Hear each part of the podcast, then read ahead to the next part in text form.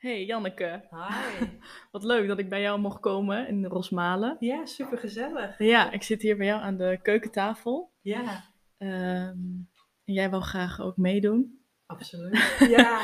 Ehm, en nou ben ik heel benieuwd, ehm, kun je jezelf even voorstellen? Ja, dat kan ik. ik ben Janneke, ik ben 38 jaar, eh, moeder van een zoon en dochter van zes. Sinds ruim twee jaar gescheiden van de vader van mijn kinderen. Ehm, ik geloof in de kracht van kwetsbaarheid. In voor jezelf gaan staan. Ook als het spannend is, eh, je ruimte innemen. En dat is dan ook de reden dat ik mijn eigen bedrijf ben gestart, Claim Your Space. En in dit bedrijf coach ik vrouwen die gescheiden zijn naar meer ruimte voor henzelf, een leven vol verwondering en meer plezier tijdens het daten. Dat Ah. ben ik in het kort. Nou, hartstikke leuk. En claim your space, want je hebt eh, begin deze week volgens mij je coachingpraktijk of je bedrijf gelanceerd. Hè? Klopt, yes. Ja. Ehm, en claim your space, doe jij dat ook? Steeds meer. Ik, ehm, ik durf inmiddels wel te zeggen dat ik steeds meer sta voor wat ik wil en voel. Ehm, het is niet altijd makkelijk. Het was vroeger heel erg lastig om voor mezelf te staan en mijn grenzen aan te geven. Ik was wel echt een pleaser. En paste me eigenlijk aan alles en iedereen aan. En ik vond het belangrijk dat mensen mijn beslissingen goedkeurden. Oh ja. En vooral begrepen ook wat ik deed. En ja, echt wel zei, dat is goed meisje. en de laatste jaren ben ik steeds meer op mezelf gaan varen. Ehm, en doe ik steeds vaker wat goed voelt voor mij. En als het goed voelt voor mij, dan is het ook goed voor mijn omgeving. Ehm, daar ben ik van overtuigd. En, en in welk eh, opzicht is dat dan bijvoorbeeld? Nou, als ik ehm, goed voor mezelf zorg. eh, ik sport nou twee keer in de week. Een praktisch voorbeeld. Eh, voor het eerst in mijn leven sport ik omdat ik gewoon goed voor mezelf wil zorgen. Niet omdat ik wil afvallen of slanker wil worden. En dat betekent dat in de week dat de kinderen bij mij zijn, dat ze dus naar de ochtend-BSO gaan. En die stap maken vond ik heel lastig. Want toen dacht ik, ja, ik zie ze maar de helft van de tijd. En dan ga ik ze ook nog om half acht eh, wegbrengen, zodat mama kan sporten. Maar uiteindelijk ben ik dat wel gaan doen. En ik heb hen ook uitgelegd van ja, mama wil sporten, want dan heeft ze meer energie voor jullie. En dat betekent dat, dat jullie op dinsdag en donderdag naar de ochtend-BSO gaan. Ja. De uren had ik al gereserveerd, omdat ik voor corona op kantoor, werkte. Toen vond ik dat geen probleem. Hè. Dus om te gaan werken bracht ik ze wel weg. Maar om te gaan sporten voelde, voelde dat anders. En ja, daar pak ik dus morgens vroeg ruimte voor mezelf. Ik ga 's morgens eerst sporten. En dan gaan mijn kinderen dus naar de ochtend zo. Ja. En dat is ook een, voor, een voorbeeld in mijn ogen van je ruimte pakken. En doen wat goed is voor jou. En dus ook voor mijn kinderen uiteindelijk. Ja. Ja, zeker. En ehm, ehm, voordat ik jou sprak, hadden we het over dat ehm, ja, intimiteit en seksualiteit eh, iets is eh, de laatste tijd waar je veel meer mee bezig bent. Klopt, ja. Kun je daar iets meer over vertellen?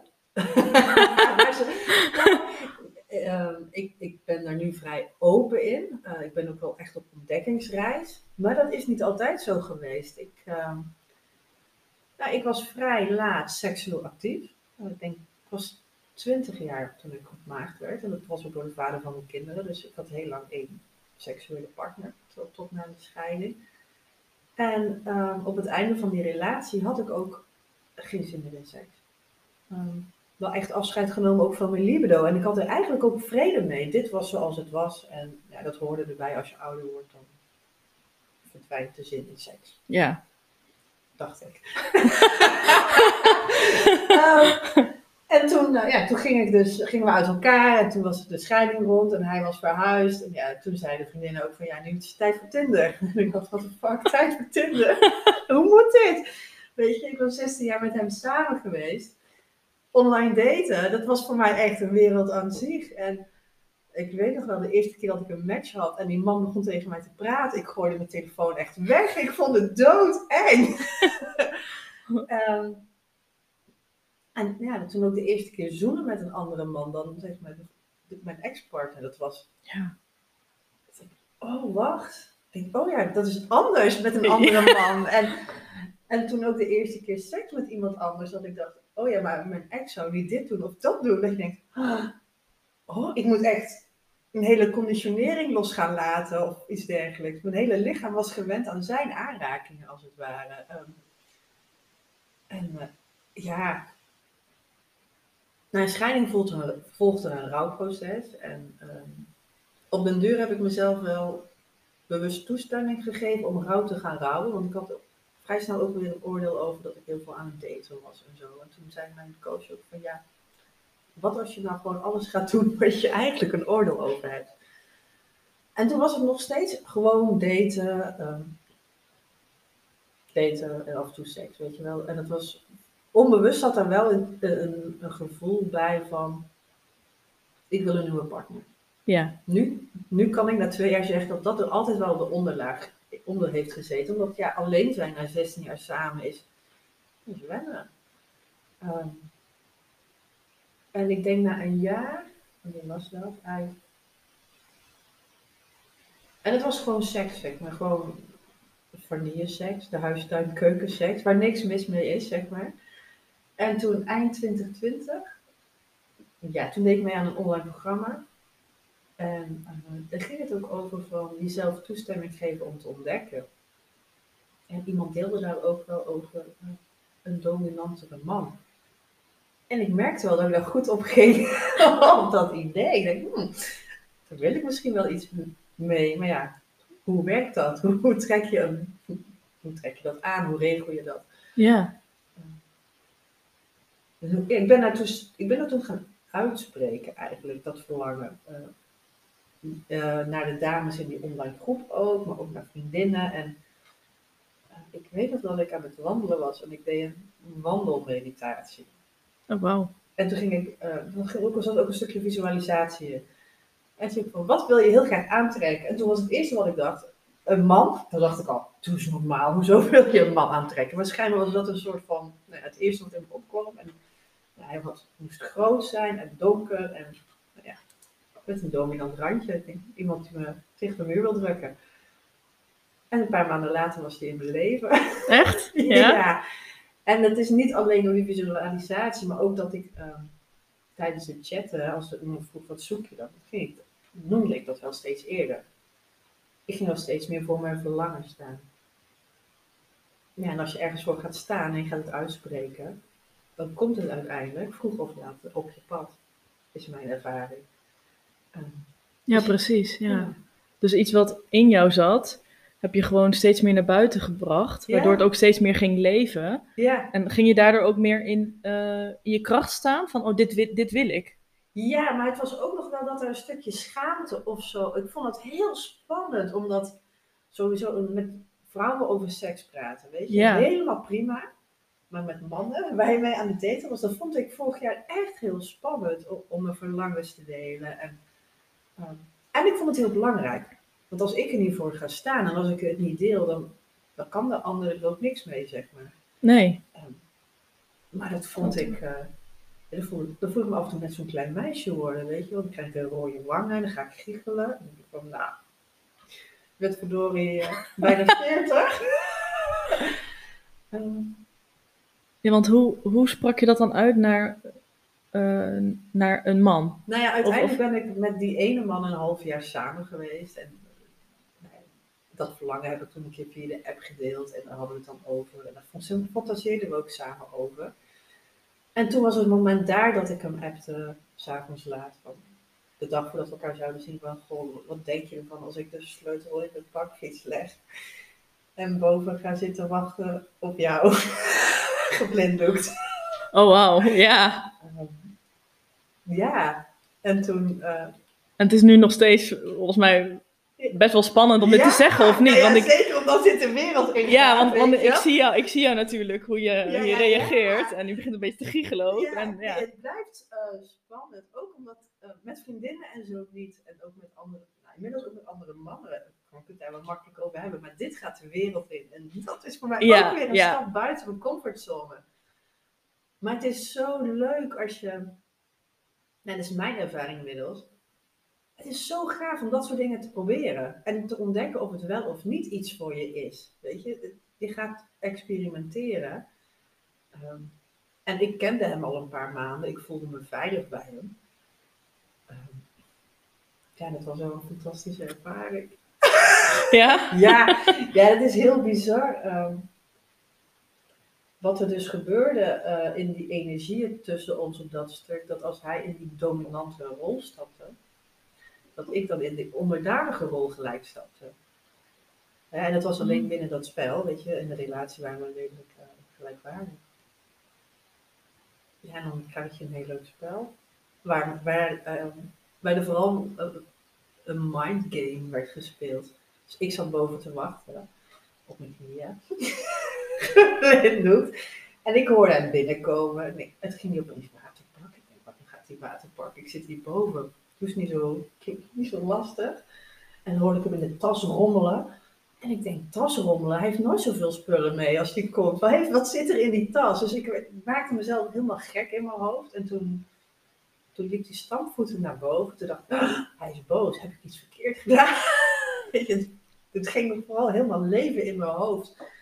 Uh, toen eerst de kamer voorbij, toen kwam hij terug en ging hij kijken. En nou ja, dat mindspel, dat je dus niet weet wat ik zie jou heel moeilijk kijken. Ja, en je, ja, want je denkt... Ja, maar ik kan me voorstellen dat je toen dacht, wat gebeurt er nou? Waar, je je ziet natuurlijk niks. Nee. Wanneer komt hij naar me toe? Ja, Maar je voelde je wel nog steeds veilig. ja, ja, van- ja, want van- we hadden ook afspraken gemaakt. Ehm, en dat is ook wel wat ik aanraad, weet je. ehm, je gaat grenzen verkennen. ja, Ehm, en zeker bij DS, soms worden er pijnprikkels gebruikt, weet je, dat hoeft niet per se. Maar je moet wel aangeven tot hoever het voor jou comfortabel is. En dan kan je stop of nee zeggen, maar dat is soms niet handig in die context. Dan kan je beter oranje of rood, weet je. Ik gebruik meestal stoplicht kleuren. Dus rood is echt stoppen, acuut. ja, Om wat voor reden dan ook. En oranje is bijvoorbeeld, oké, ik zit aan mijn grens, even, even rustig aan. ja, Ehm, maar dat heb ik toen niet gebruikt. Nee, ik voelde me heel veilig bij hem. ja, En ik, ik wist ook dat het een spel was. Hè? Dus ja. ik kon ook om mezelf lachen plaats. Denk, oh mijn god, hoe, dit is interessant hoe dat dan werkt, zeg maar. Hoe die hele interactie tussen ons tweeën werkt en hoe dat in mijn hoofd ging. En dat ik dan ook, ik, oh ja, ik wil het ook nu goed gaan doen, zeg maar. Maar toen kwam hij uiteindelijk naar je toe, wel. Ja, ja, ja. Na, na, na al het rommelen en... ja en dat lijkt dan heel lang te duren. ja, Maar het zijn misschien maar een paar minuten geweest. Maar omdat je dus niet weet wat er gebeurt, ja, precies, ja. lijkt de tijd opeens trager te gaan. En uiteindelijk is hij naar ons toegekomen en hebben we een fijn spel gespeeld. En, Ja. Ehm, ja. nou ja, ik ben gewoon nieuwsgierig, want, want ehm, hoe, hoe, hoe is dat dan om in die situatie in zo'n, nou ja, onderdanige positie te zitten? En waarom ik dat vraag, is omdat daar denk ik heel veel taboes op zijn. Want als je dat van de afstand bekijkt, denk je, oh, heel onderdanig of zo. Dat, is, Ja. eh, eh, ja, dat, ho- dat hoeft niet per se denigrerend te zijn, Nee. want jullie hebben afspraken gemaakt, jullie hebben een respectvolle relatie. En Ja. dus ik ben dan heel benieuwd hoe. ehm, want je had het net ook over die energieën, wat er dus tussen jullie ontstond. Ja. Hoe zou je dat omschrijven? Ehm, dit is een DS-spel, dus binnen BDSM heb je verschillende vormen, bondage. Ehm, dit is dan dominantie-subspel. Ehm, binnen het spel zijn er kaders. En die kaders hadden we van tevoren ook wel aangegeven. Dingen die ik absoluut niet wilde. En, en daarbinnen ga je kijken wat, wat er mogelijk is. Ja, en onze relatie was absoluut gelijkwaardig. Ik laat me echt niet zomaar aan de kant drukken, zeg maar, voor- iedereen. Maar als het gaat binnen een DS-spel, om dan de tandjes uit, oh, de tandjes, de touwtjes uit handen te geven voor mijn eigen genot, ja, ja, dat is gewoon fantastisch.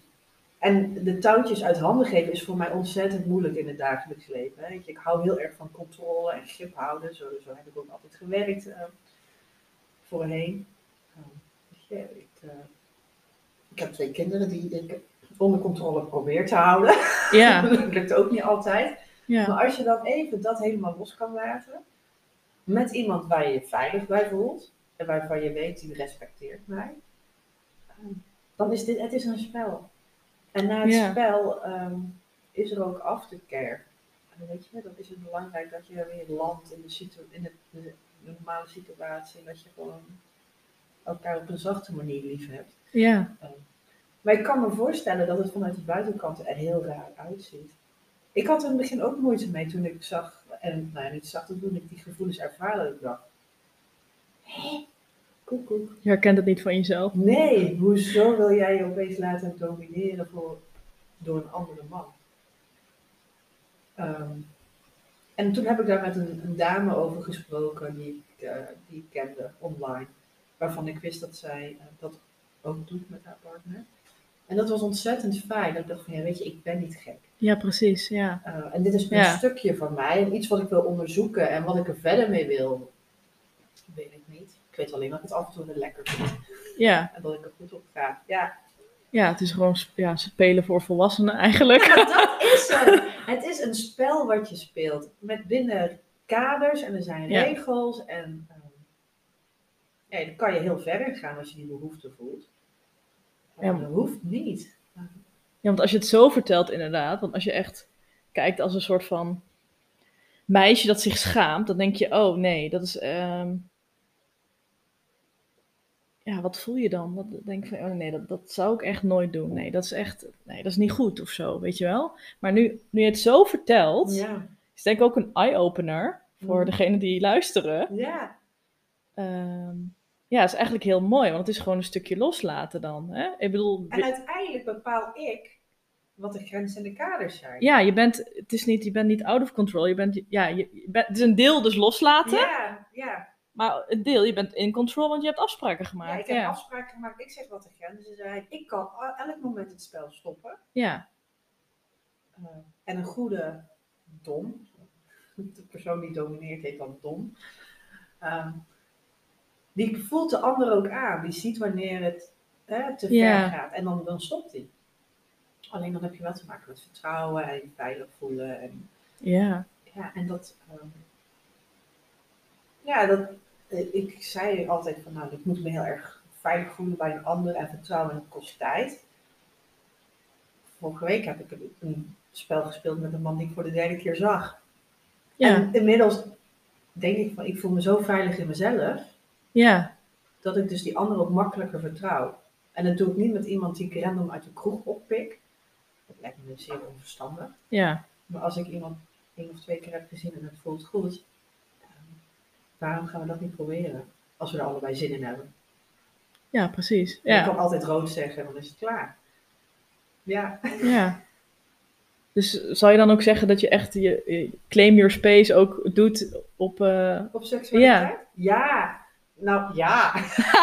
nou ja, en dat is nog maar een paar maanden. Want ehm, vorig jaar ging, ging ik dat wel onderzoeken, maar was het meer nog vanuit intentie: ik zoek een partner waarmee je kan gaan experimenteren.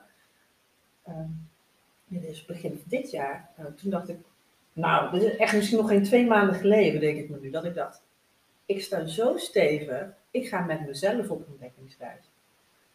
Ehm, ja. En dat heeft ook te maken met Claim Your Space. Dus er zijn bepaalde dingen die ik wil ervaren, waar ik dus nieuwsgierig naar ben. Ja, dat ga ik nou regelen. ja, dat Ja. klinkt heel raar, maar... Ja, Actie. ac- ja, actie. nou ja, Ja. het is meer, ik pak de verantwoordelijkheid voor mijn seksualiteit. ja, En dat voelt heel krachtig. Ehm, ja. dat voelt heel krachtig. Want ik kan mezelf dus geven wat ik nodig heb. En dat lukte tot eind vorig jaar niet eens. Ik heb ook helaas te maken gehad met een traumatische ervaring op, op seksueel vlak. Ehm, en die had ik zorgvuldig weggedrukt. ja, Ja, en die kwam anderhalf jaar geleden naar boven. En met- heel veel verdriet. Dat ik dacht, wow, dit is, dit is er gebeurd. En daar hoort het woord verkrachting bij. En dat had ik gewoon volledig gewist op de een of andere manier. En dat was een heel heftig jaar waarin dus orgasmes ook niet meer mogelijk. Ik blokkeerde volledig omdat ik me zo onveilig voelde in mezelf. Ehm, en daar heb ik met een uh, haptotherapeut aan gewerkt. En, eh, ja, toen ik voor het eerst weer een orgasme ervaarde met een man. Het was heel emotioneel. En het was ook een hele lieve, zachte man die wist wat mijn verleden was. En, oh, en ook daar was ik open. Hij, hij vroeg de eerste date van, wat is je verlangen? Ik denk, wat is mijn verlangen? Wie vraagt dat nou? Wat is mijn verlangen? Weet ik veel wat mijn verlangen is. Maar ik wist het wel. Ik wilde zachtheid ervaren. Ik dat was wat ik heel graag wilde ervaren, maar ook wat ik heel spannend vond. Ehm, want voor zachtheid is verbinding nodig. Ja, Dan moet je de ander jou laten zien, eh, jezelf laten zien aan de ander. Ehm, ja, en toen ik dat heb mogen ervaren met die man, dat, eh, dat was echt een, Ik heb echt letterlijk een, een trauma losgelaten tijdens die seksuele ervaring. En ehm, daar ben ik mezelf ook hem heel dankbaar voor. Ja, ja. Ik kreeg er ook kippenvel van. ja, ja. nee, het raakt me opnieuw, want ja. Ehm, ik denk dat echt twee dagen daarvoor nog dat ik dus tegen mijn therapeuten zei van jeetje, het is voor mij makkelijker om het te laten domineren dan om me over te geven aan zachtheid. ja. Omdat je dan weer stukje terug gaat naar die pijn. Ja, dat is wat er steeds gebeurde. Als ik dan richting een orgasme ging, dan, dan voelde dat zo onveilig dat ik blokkeerde, ook als ik met self-pleasure bezig was. Ja, Ehm, en dat ik dus bij dat gevoel kon blijven, bij, bij, nou ja, uiteindelijk bij die man en ehm, dat mocht ervaren, dat was waanzinnig. heel mooi. Ja. Ja, Ja. ehm, Ik zie dat het je raakt. Ja, nog Ja. steeds. Ik, ik, dat ik nu sta waar ik nu sta, had ik een half jaar niet eens kunnen dromen. Omdat er gewoon nog, ja, de- ja, ik was aan het experimenteren, maar ik voelde me ook nog onveilig in mezelf. Ja, Waardoor volledige overgave, want voor een orgasme heb je volledige overgave, dat het niet mogelijk was. Ehm, en dat gaat tegenwoordig steeds makkelijker. dan moet je kijken wat je voor elkaar hebt gekregen dan. Ja, in de en dat, korte... daar verbaas ik mezelf wel eens over. Dus ik denk dat, huh? Wat gebeurt hier nou? Ja, Ja. maar, maar hoe bewonderingswaardig is dat, zeg maar? Ik bedoel, ehm, dat je dus na zo'n nare ervaring zoveel da- daaruit kon komen en dan daarna zoveel mooie ervaringen Ja. mocht hebben. En nu nog, en, en, en nou ja, dat dat nu zeg maar een hele ontdekkingsreis is.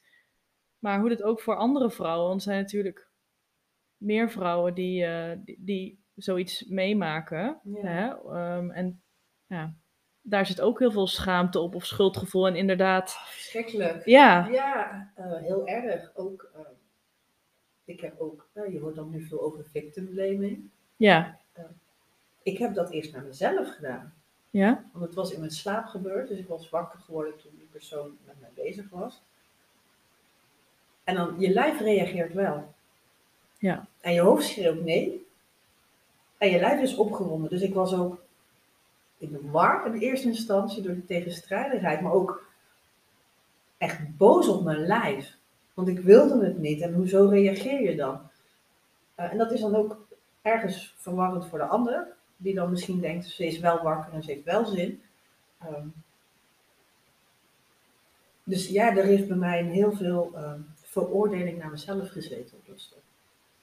En ook schaamte. Ik heb het heel lang voor mezelf gehouden. Toen ben ik het gaan delen met vriendinnen en uiteindelijk ook met familie. En ik heb er ook over geschreven inmiddels op Instagram. Omdat, nou ja, zeker in de slaapkamer s'nachts, er gebeuren vaker dit soort situaties door het delen. ja, En het wordt vaak weggewuifd. En ik vind seks heb je met z'n tweeën of met z'n drieën of met z'n vieren of weet ik veel met wie je het allemaal tegelijk wil doen.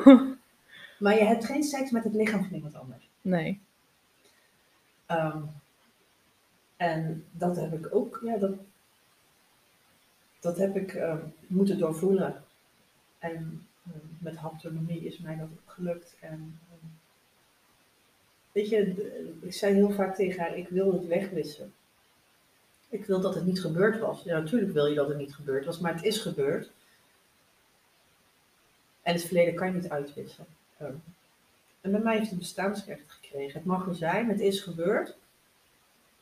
En ik laat het mijn leven niet meer bepalen. ja, precies, ja. En dat uitzicht bij mij dus door verantwoordelijkheid te nemen en nou ja, te gaan staan voor mijn seksualiteit en mijn verlangens en ja, op avontuur te gaan. Ja, ja, goed idee. ik kan het iedereen aanraden.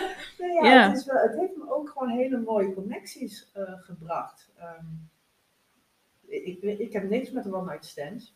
Heb ik geprobeerd. Weet je, dat wilde ik ook ervaren, maar dat, geeft me gewoon geen voldoening. Nee, Dus ik zoek wel een bepaalde connectie of een verbinding met iemand. En niet vanuit een dronken bui in bed induiken, dat daar kan ik niks meer mee. Ja, en dan kunnen er gewoon hele fijne connecties ontstaan waar je gewoon lekkere momenten mee hebt. Ja, en dus dat is, dat is dus niet vanuit. ehm, dan laat je dus dat stuk van, oh, ik, ik wil graag een partner helemaal los. Nou, op dit moment. ehm, op dit moment kan ik. Ik heb het verlangen om weer naast iemand te staan.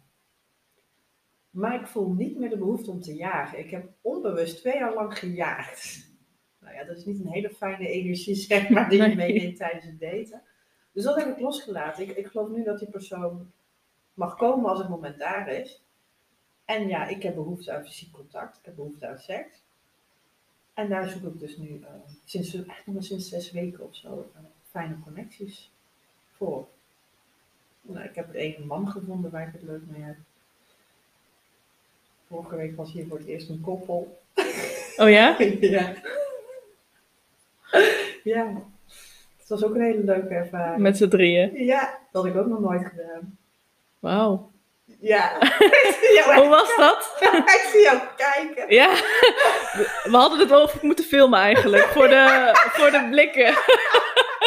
ik, probeer, ik zeg dat heel voorzichtig. Jij zo, oh. ja, ja, dat was. Ja, dat is. In het begin was het een beetje gekker. Weet je? Want je weet, alle, we hadden wel de insteek was: niks moet, alles mag. We hadden al een maand contact of zo via de app. En dan ga je eerst op de bank wijn drinken. En dan nog een tweede glas wijn. Zoals op het nu. Ja, dan kijk je elkaar zo aan. Denk je, hoe begin je hier aan? Weet je, met z'n drieën. Was het voor iedereen nieuw? Nee, voor het, zij als koppel hadden meer ervaring. En zij wisten dat het voor mij de eerste keer zou zijn. En toen hebben we maar gewoon uitgesproken of we er zin in hadden. Nou ja, we hadden er allemaal zin in. en toen hebben de gordijnen maar dicht. oh, en eh, nou ja, toen, eh, ja, toen is zij, volgens mij zijn zij eerst gaan zoenen en toen ben ik daarna met haar gaan zoenen. En toen, Ging het vanzelf? ja, Ja? Ja, dat had ik. Ik had geen verwachtingen. Maar het was echt een. Het, was, het ging allemaal vanzelf met z'n drieën. Dat was echt. Na afloop waren we ook alle drie gewoon helemaal high. Dat we dachten: wat is hier gebeurd? Dat is echt waanzinnig. Ook een aanrader dus. Of, eh, Ja! of ja, ik ben. Ja. Ik, het is voor mij niet dat ik. Oké, dit weet ik nu. Nee, ik ben daar wel mee nieuwsgierig naar. ja. Ja. Dit is heel, heel mooi het verschil te ervaren tussen een mannenlichaam en een vrouwenlichaam. Dat is echt immens. Een man is harder, nou ja, hariger. Eh, de vrouw is veel zachter, is zo zacht. Ja? Ja, Heel andere energie. ja maar natuurlijk. ook de huid is veel zachter. De, ze heeft rondingen. En de man ja, is ruwer, hariger, sterker. Ja. Dus dat verschil heel fijn Dus- ervaren. Dus om zeg maar tegelijkertijd dat verschil te ervaren Ja. in die. Ja. Ja. ja, dat vond ik echt heel tof. Ja, En zou je dan ook alleen met een vrouw? ja misschien een. Ja, misschien. Oh, ja. ja, waarom niet? Ja, breng je op ideeën misschien. Ja. Nee, ja, ik was altijd wel al nieuwsgierig naar een vrouw. Misschien echt al twintig jaar lang. En dan heb ik zorgvuldig geparkeerd. En eh, ja, nu heb ik het mogen ervaren. En, eh, ja.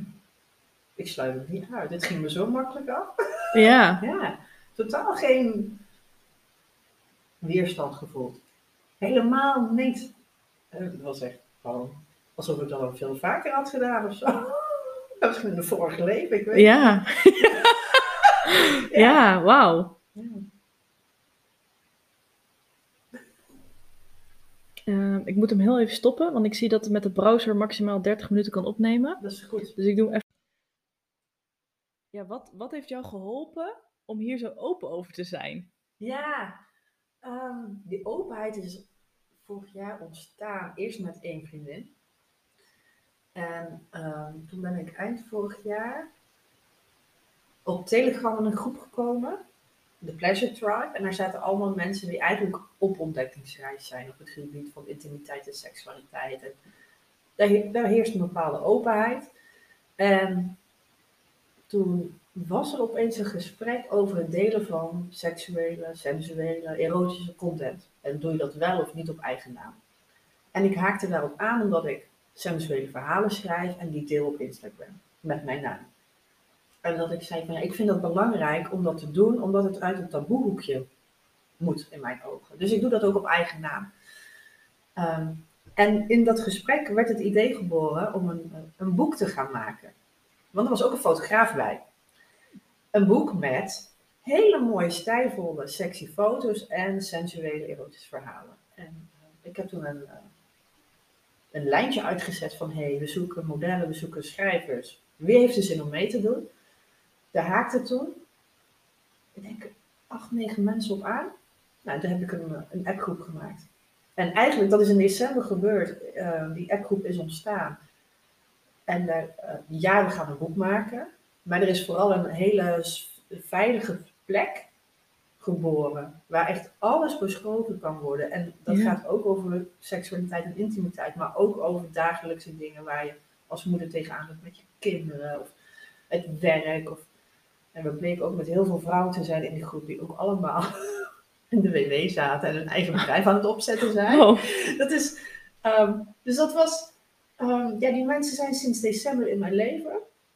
Online. Ik heb er een aantal um, toen ook offline ontmoet. En tweede paas was iedereen hier.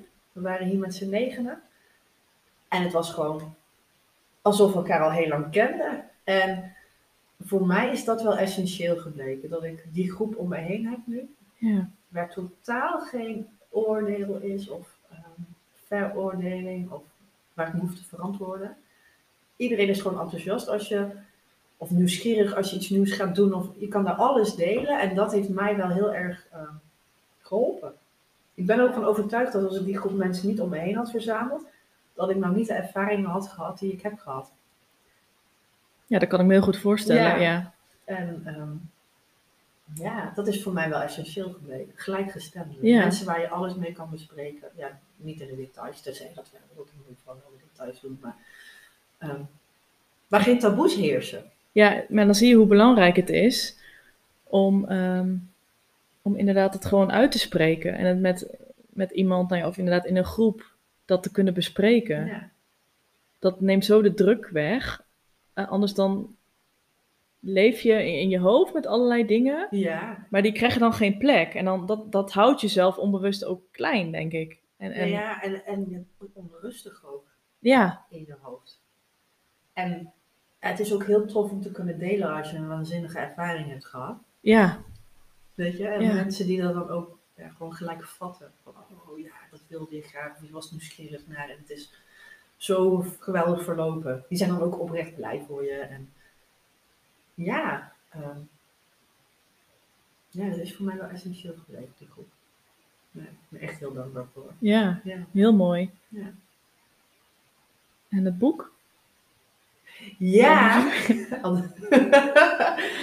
dat boek, ik, um, dat is nog een soort van onder de radar. Mm. Um, we hebben wel al een, een Insta-account geclaimd. Het gaat de Great Pleasure Bible heten. The Great Pleasure Bible. Ja. Oh, spannende titel. ja, maar ook ja. wel spannend om dat te gaan maken met z'n allen. Ja. Weet je, verhalen, maar ook op, op beeld gaat staan.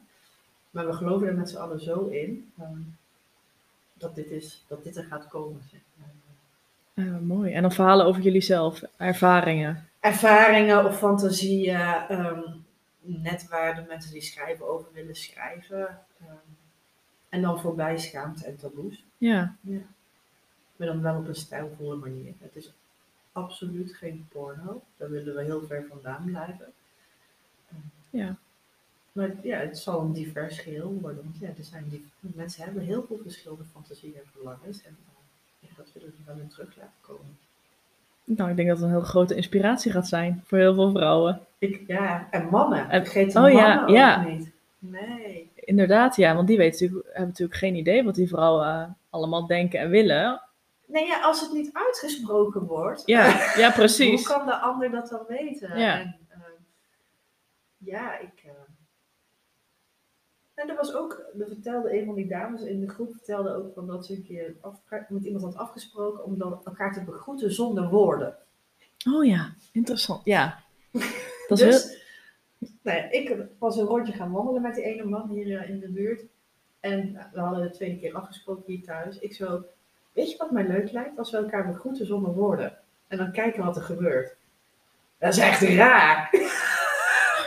je doet de deur open en dan heb je eigenlijk een einde te zeggen, hoi. Ja, ja, ja. ja. En we stonden dus zo te kijken. Ja. ja. Lang kijken was er niet bij.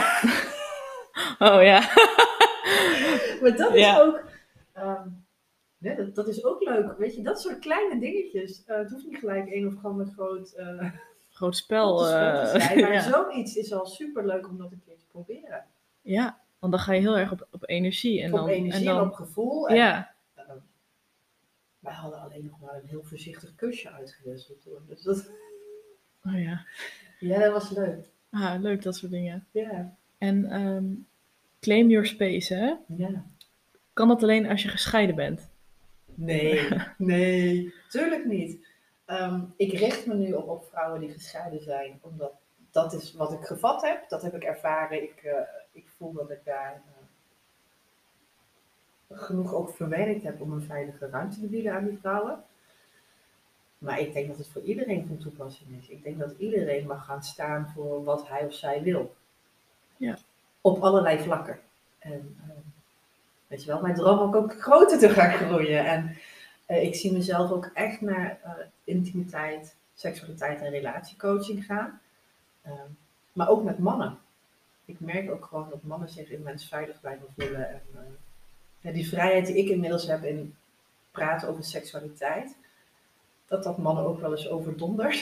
dat Ja. ze tij- tijdens een eerste date zeggen, "Hier heb ik het echt nooit over. Tijdens een eerste date. Ik zo, ja, ik inmiddels wel.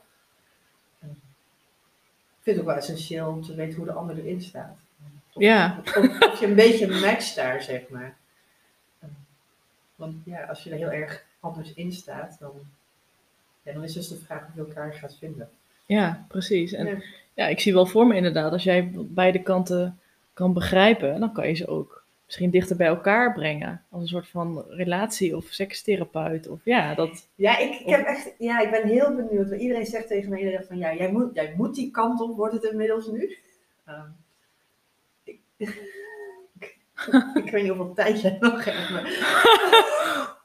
Er was, ik heb ook eerder dit jaar had ik een ervaring, dat was een hele andere weer. Ehm, dat was, ik denk meer tantra achter. Maar ik heb helemaal geen tantra ervaring gehad. Maar met die man belandde ik in een soort van slow motion seks Ja. mega verbonden. Ehm, en op de duur eh, gingen we over naar penetratie. En hij kwam heel langzaam in mij. En toen zei ik gewoon van, je hoeft niks te doen. En dus hij deed niks. Hij was in mij en hij deed niks. En ik begon opeens te kronkelen. Ik kon niet stil blijven liggen. En het was echt, dat zijn energie zo van zijn penis naar mijn joni, naar mijn hart en weer terugstroomde. Het was gewoon immense verbinding. En we waren ook helemaal we hebben een uur dat gedaan. Oh, wow. Eigenlijk heel weinig gedaan, behalve dan verbonden zijn. En in die ervaring hoorde ik opeens een stem, mijn eigen stem natuurlijk geweest, zeggen: sekspriesteres. Oké, ja.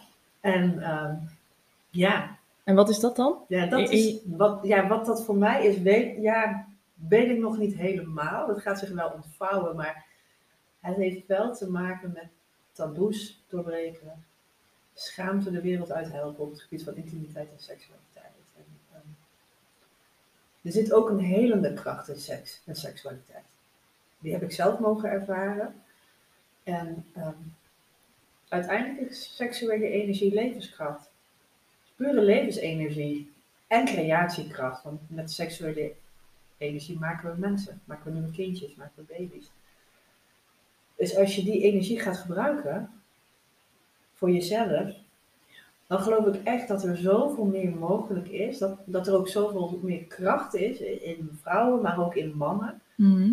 Als je die seksuele energie gaat claimen en gaat gebruiken. Ik merk het tegenwoordig ook dat als ik ehm, nou, even geen seks heb gehad, dat ik gewoon een beetje Crank, cranky. cranky word. Weet je wel, wat eeuw, dat ik dacht, oh.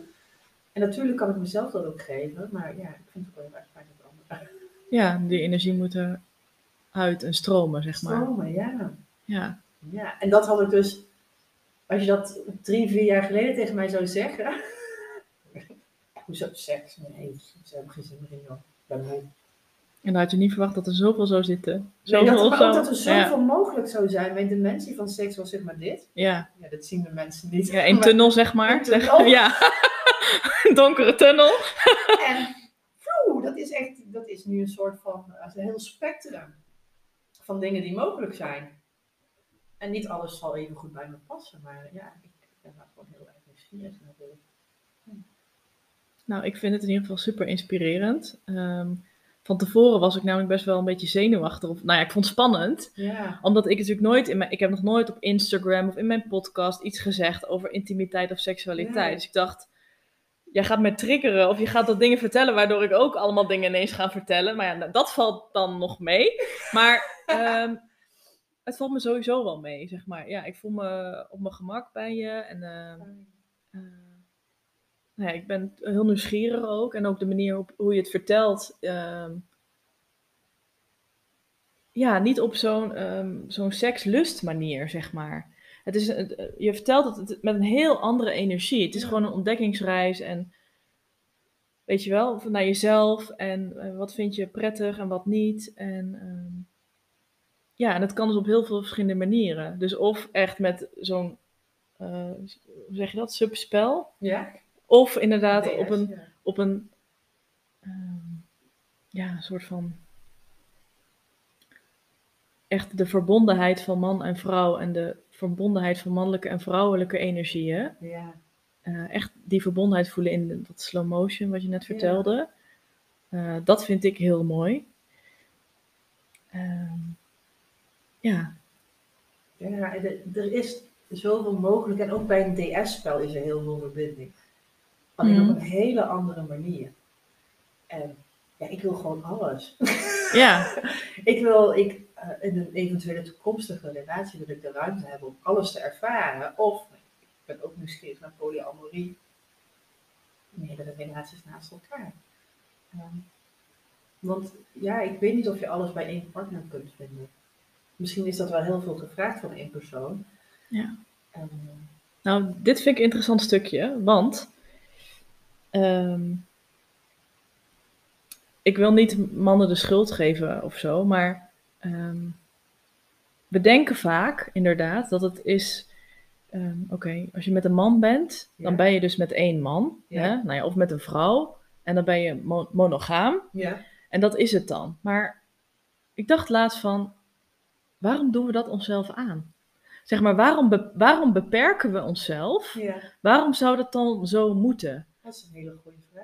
Daar Want ben ik het niet meer mee eens. Nee, want het gaat, het gaat, ik zie het ook vanuit een soort van verbinding. Mhm. Je hebt een bepaalde verbinding met die persoon en je hebt een ander soort verbinding, wat dus totaal geen vergelijk is met een andere persoon. Nee. Nee, ehm, ik zei het ook laatst. Ik had het er ook met iemand over, ook denk ik tijdens een date met een man. Ik zeg ja, maar als je een tweede kind krijgt, zeg je toch ook niet, ja, je hebt er al één, hoe wil, hoezo wil je nog een tweede? En je hebt twee kinderen, je hebt met allebei, allebei de kinderen een andere verbinding, want het zijn andere meisjes. Maar je houdt allebei van ze. Ja, Dus de liefde is er echt, echt, echt een overvloed. En sinds ik me daarvoor openstel, ik heb nog geen romantische liefdesrelatie, maar heel veel vriendschappen hebben zich verdiept. De band met mijn ouders en mijn zussen heeft zich verdiept. Er stond zoveel liefde door mijn leven heen. En ja, de wens voor romantische liefde, liefde is er zeker, maar ik kan die persoon niet beloven dat. Op dit moment wil ik me niet, ik wil me niet eens committeren aan monogamie nee, omdat ik geloof, ehm, nou, ik geloof dat ik mezelf daarmee tekort doe. Ja. ja, En ik kan me heel goed voorstellen, als ik weer verliefd word op iemand, dan wil je alleen die persoon. Dus dan kies je tijdelijk voor een monogame relatie. Maar misschien komt er later dan wel weer ruimte voor een open relatie of dan komt een andere partner bij.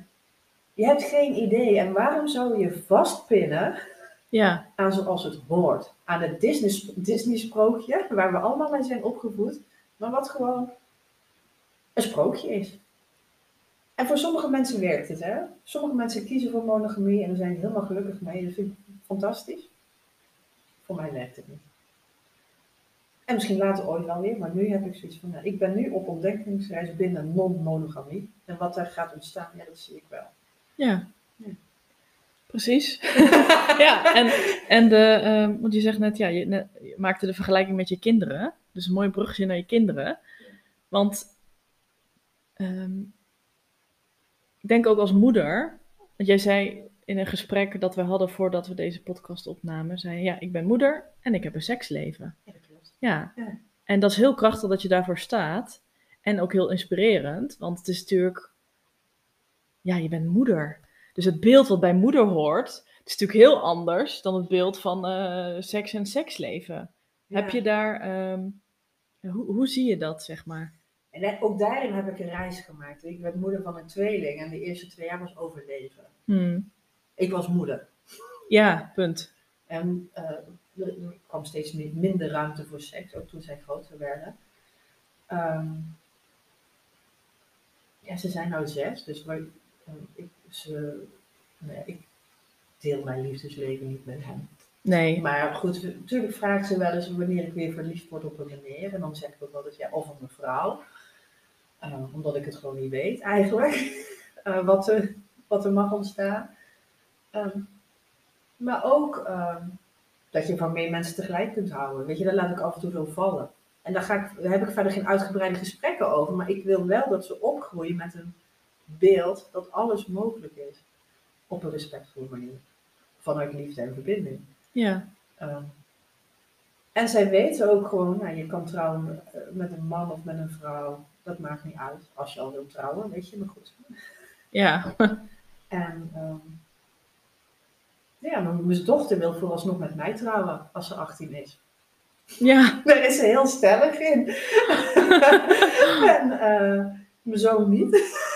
maar mijn dochter gaat met mij trouwen, ze. Als ze 18 is, want dan is ze volwassen. Oh, Ja. ja. Dus ik probeer ze vooral eh, eh, een breed beeld te geven en dat. En als ze ouder worden, zal ik misschien meer gaan delen, afhankelijk van waar ik dan sta in mijn reis. En, eh, Ja. ik wil in ieder geval in openheid hun opvoeden, ook als het gaat om seks. En, eh, ja. En ja, de opvoeding heb ik ook best wel gehad. Ik weet nog dat, we, dat ik met mijn ouders veel, vrij veel koffie, bij het avondeten, vrij veel gesprekken had met mijn zusjes. Ja? Ja.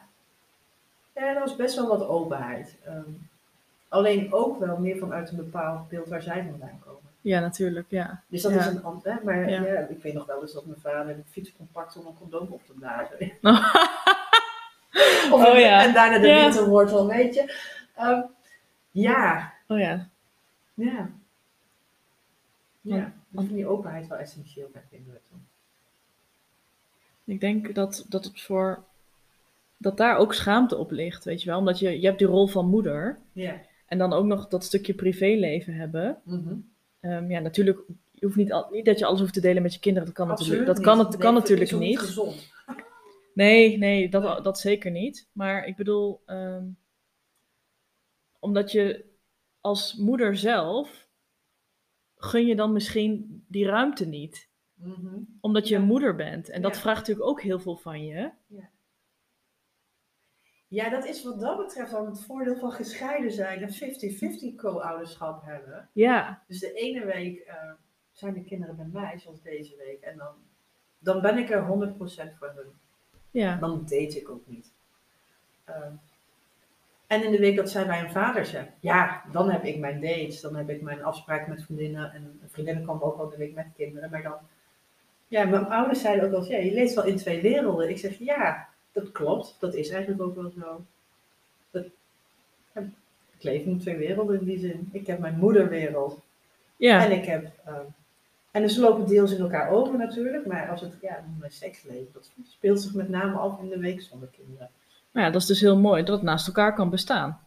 Ja, precies. Ik hoef niet te kiezen. Nee, En ik denk dat niemand hoeft te kiezen, ehm, maar je moet wel kiezen. ja, je precies. moet een keuze Ja. durven maken. Ja. Ehm, en het is misschien soms ook wel eens makkelijk om je te verschuilen achter het excuus dat je moeder bent. Mm, mm. Ik heb ook wel eens een oppas gevraagd toen ik een date had. Vond ik heel lastig. Dat Ja, heb ik ook tegen mijn kinderen gezegd. Van ja, mama gaat, heeft een date met een leuke man. de buurvrouw komt. En dat was helemaal prima. Dus dan zat dan meer, dat schuldgevoel zat in mij. En dat blijf ik lastig vinden. Als ze bij mij zijn, oppas regelen. Ja, precies. Ja. Dat, dat is nog iets wat ik aan te kijken heb. En dan heb ik in juli ergens een, eh, een feestje, een familiefeestje. En dan zijn ze bij mij. Dan gaan ze een nachtje naar mijn ex. Het is heel, was heel snel geregeld, maar in mijn hoofd is dat dan... Je gaat je kinderen toch niet wegbrengen, want je ziet ze al de helft van de tijd. En hoi, hoi, hoi. Terwijl ja, ja, maar je kan niet alles in die week plannen dat jij je kinderen niet hebt nee, natuurlijk. maar dat dacht dus... ik wel van mezelf. Ja, ja, dan had je wel ja, gehoopt. Ja. Ja, dus Ja. ehm, ja, af en toe zit daar nog wel een stukje schuldgevoel naar mijn kinderen toe. Ehm, maar ja, ik ben wel van mening dat als ik mezelf geef wat ik nodig heb, dat ik dan de beste moeder kan zijn. Ja. En, ehm, ja, en dat blijft zoeken, dat blijft ontdekken ook. Met z'n drietjes in die zin. Ja. Ja. Ja.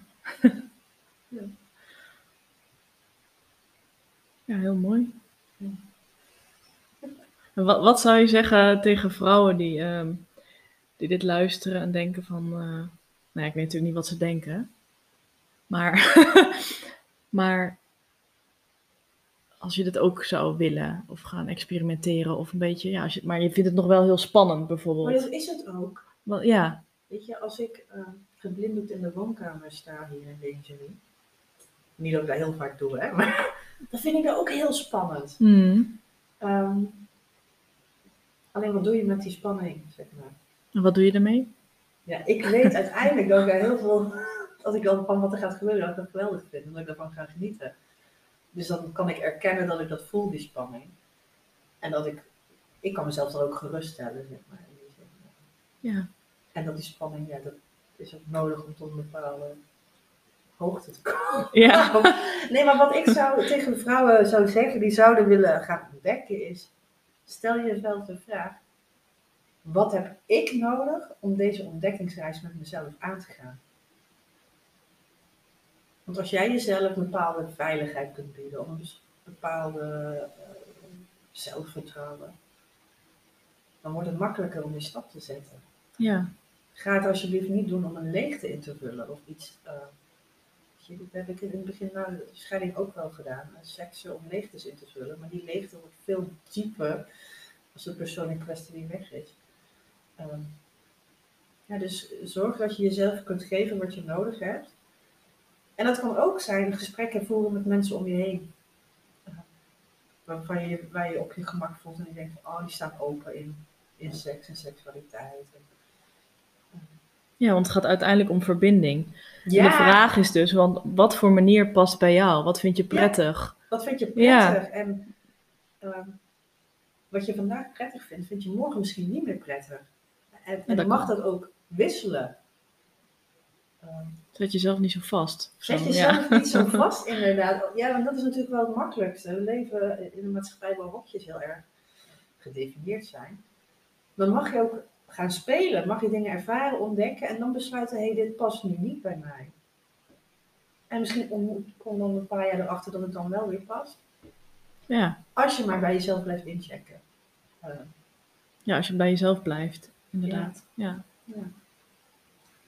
Dankjewel. ja, jij bedankt Ja. voor, eh, voor, deze, voor deze ruimte. Ja, bedankt voor je openheid. En eh, ja, superleuk. Ja. Ja, heel graag gedaan. Ja.